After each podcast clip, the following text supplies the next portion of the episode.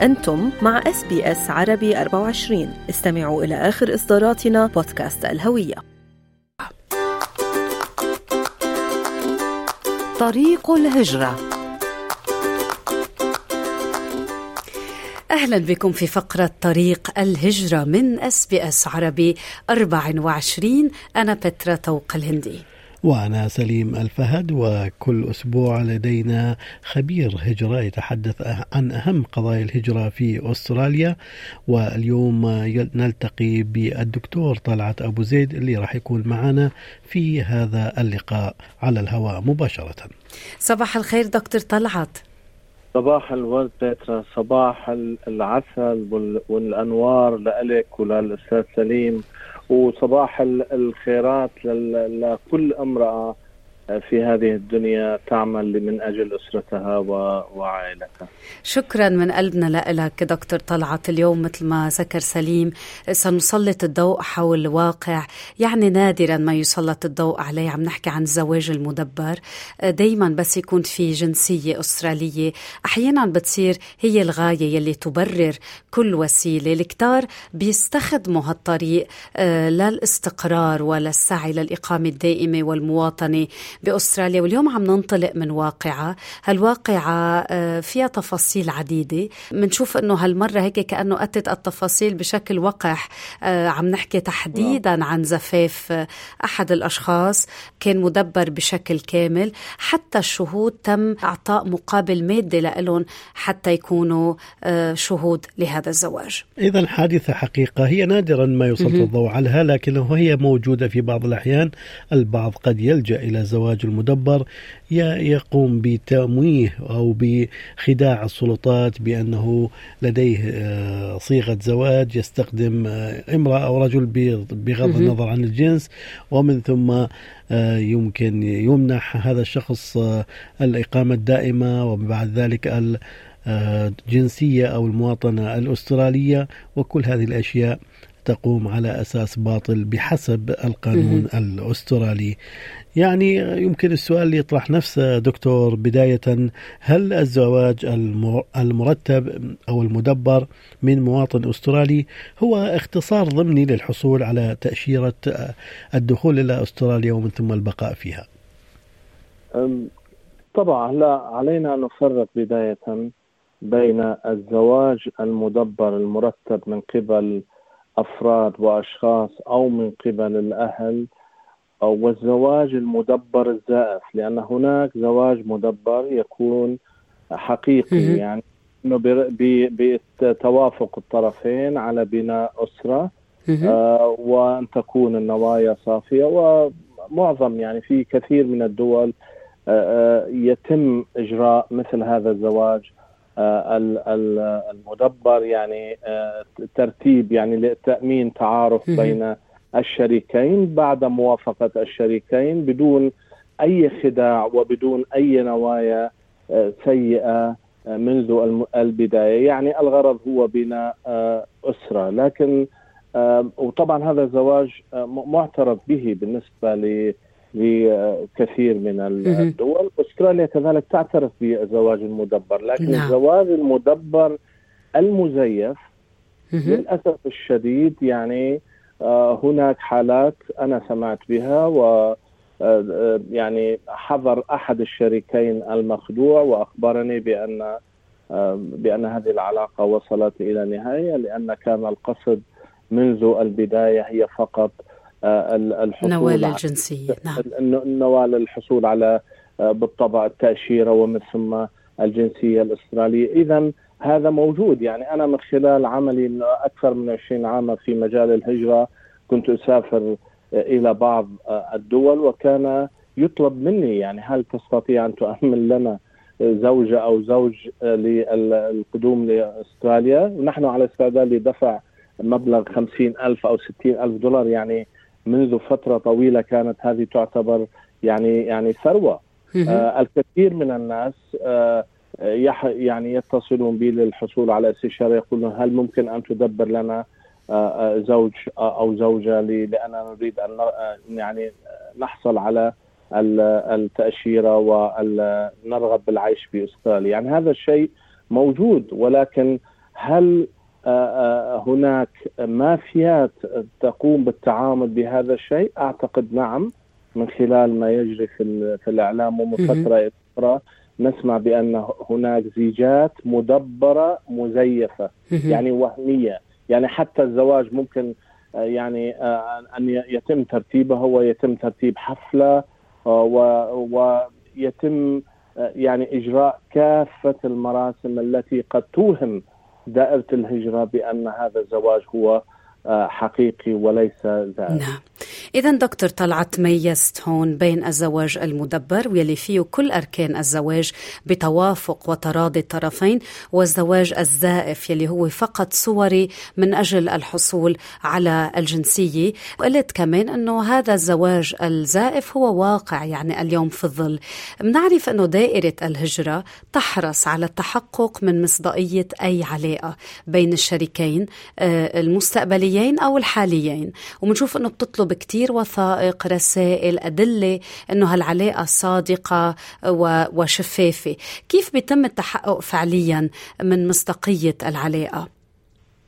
يعني أحيانا يعني دائرة الهجرة تقوم بزيارة منزل الزوجية. يعني إذا كان الشريكين موجودين في أستراليا أنا يعني لدي معلومات من أحد الشريكين بأنه زارتهم يعني زارهم بعض أفراد من دائره الهجرة آه، آه، في وقت متأخر من الليل أو في الصباح الباكر للتاكد للتأكد من أن الشريكين يعيشون مع بعضهم البعض، يعني هذا آه، أحد الإجراءات التي يمكن أن تقوم دائرة الهجرة بالتحقق من ذلك، إضافة إلى التحقق من الوثائق الأخرى، لكن أنا برأيي يعني لديها طرق كثيرة للكشف عن أي نشاط احتيالي. حتى في في خارج أستراليا البعثات الموجودة خارج أستراليا أحيانا يتم إرسال آه، موظف من دائرة الهجرة إذا كان هناك شكوك للسؤال عن آه، آه، هل هناك مثلا زواج حقيقي أو لا. يعني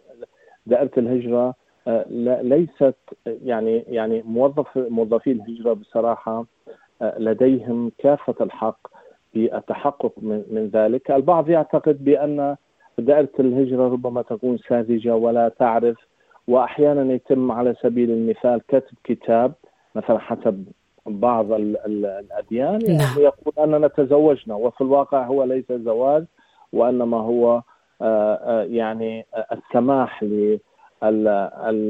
بداية العلاقة اللقاء لكي لا يكون هناك أي شبهة من الناحيه الدينيه أو من ناحية العادات والتقاليد، لكن دائرة الهجرة تعرف بالعادات والتقاليد لكل بلد من خلال البعثات الدبلوماسية المنتشرة آه، آه، خارج أستراليا، يعني هي تستطيع أن تتحقق بطرق متعددة من تدقيق الوثائق، يعني من تدقيق الخروج والدخول آه، من من أستراليا، يعني لديها طرق كثيرة، لكن أحيانا لكن أحيانا للأسف الشديد تكون هناك علاقات حقيقية جدا ولكن الشريكين ليسوا على دراية تامة بكيفية تقديم كافة الوثائق والمستندات التي تؤكد صدق العلاقة، يعني أحيانا الزواج زائف يقدم وثائق دامغة تقنع دائرة الهجرة واحيانا يكون زواج حقيقي للأسف آه، يتم في النهايه رفض الطلب الشريك لعدم كفاية آه اذا هذه راح يمكن نأخذها للسؤال الرابع والأخير لكن قبل هذا من الناحية القانونية هل يعتبر الزواج الزائف آه، بغية الحصول على جنسية فعلا جرميا وانتهاكا فاضحا للقانون هنا في أستراليا وفي حال يعني كون ذلك آه، يعني آه، فعل جرمي ما هي العقوبة المترتبة على ذلك؟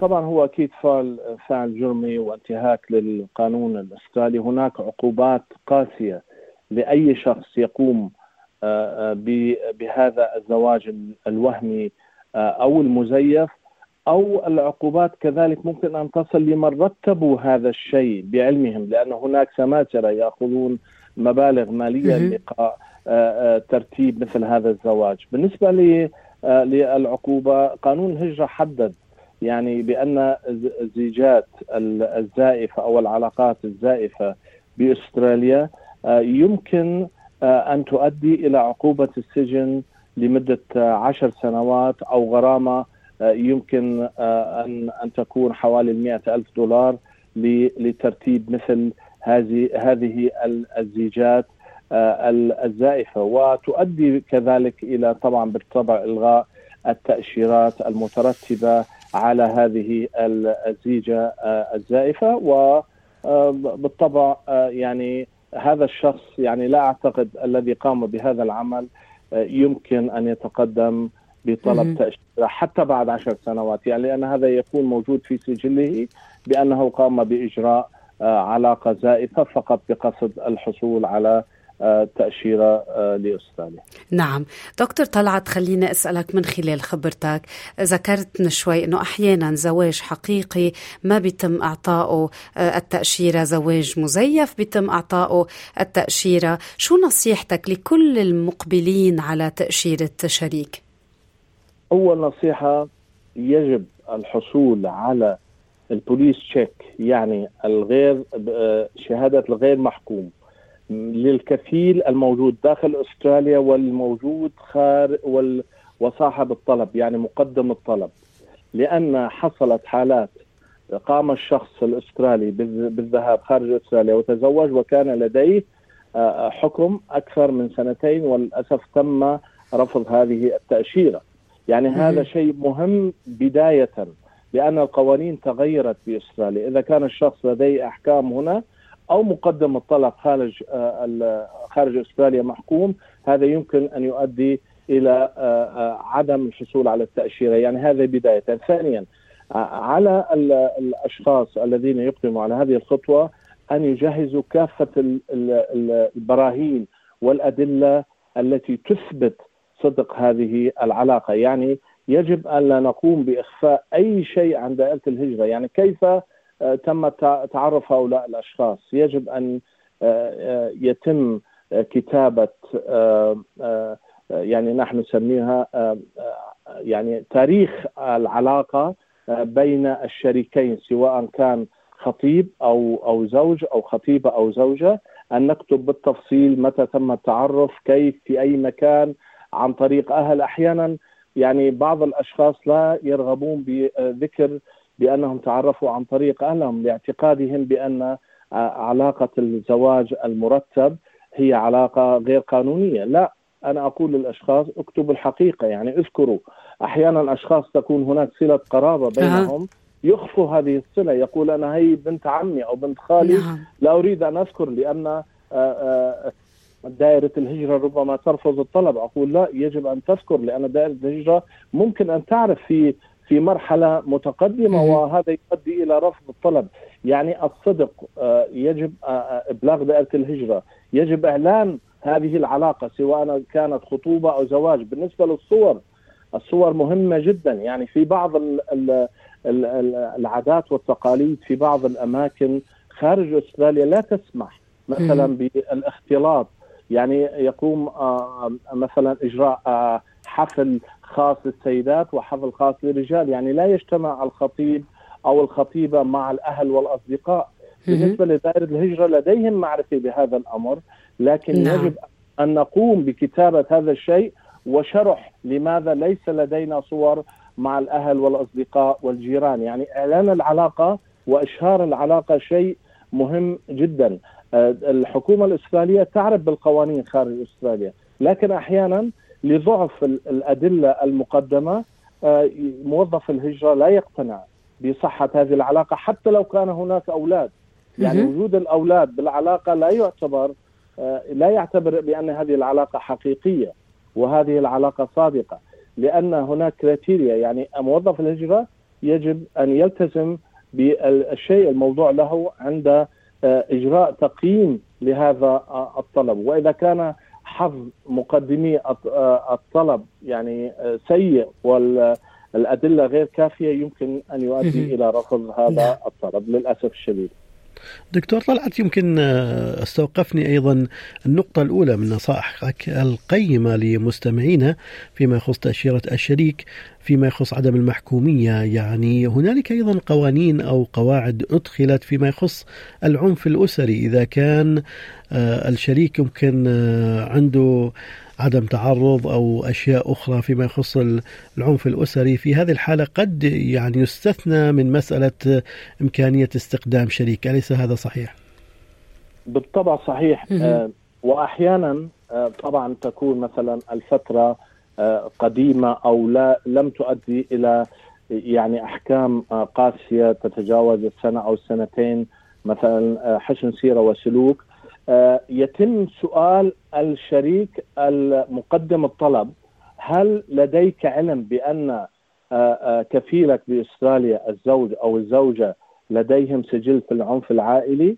إذا كان السؤال لا ليس لدي علم وهذا الشخص لديه سجل ممكن أن يؤدي إلى رفض طلب التأشيرة، لذلك منذ البداية أنا أطلب من من الأشخاص الموجودين هنا والأشخاص في الخارج بالتقدم للحصول على بوليس تشيك للتأكد من ذلك. وإذا وجدت بأن الشخص لديه سجل سواء كان مخالفات بسيطة أو مخالفات عنف أسري عليه أن يخبر الشريك. أنا حصل معي أتاني شخص لديه آه، سجل في عنف عائلي وتزوج من سيدة من من خارج أستراليا وقلت له يجب أن تخبره. وبالفعل أثناء المقابلة تم سؤالها هل تعرفي بأن شريكك لديه سجل في العنف العائلي؟ أه. قالت قالت نعم آه، هو كان في تلك الفترة آه، يشرب الكحول وعمل ذلك لكنه ندم وهو الإنسان جيد الآن وأنا أحبه وأنا أريد أن أرتبط به، يعني هذا مه. مهم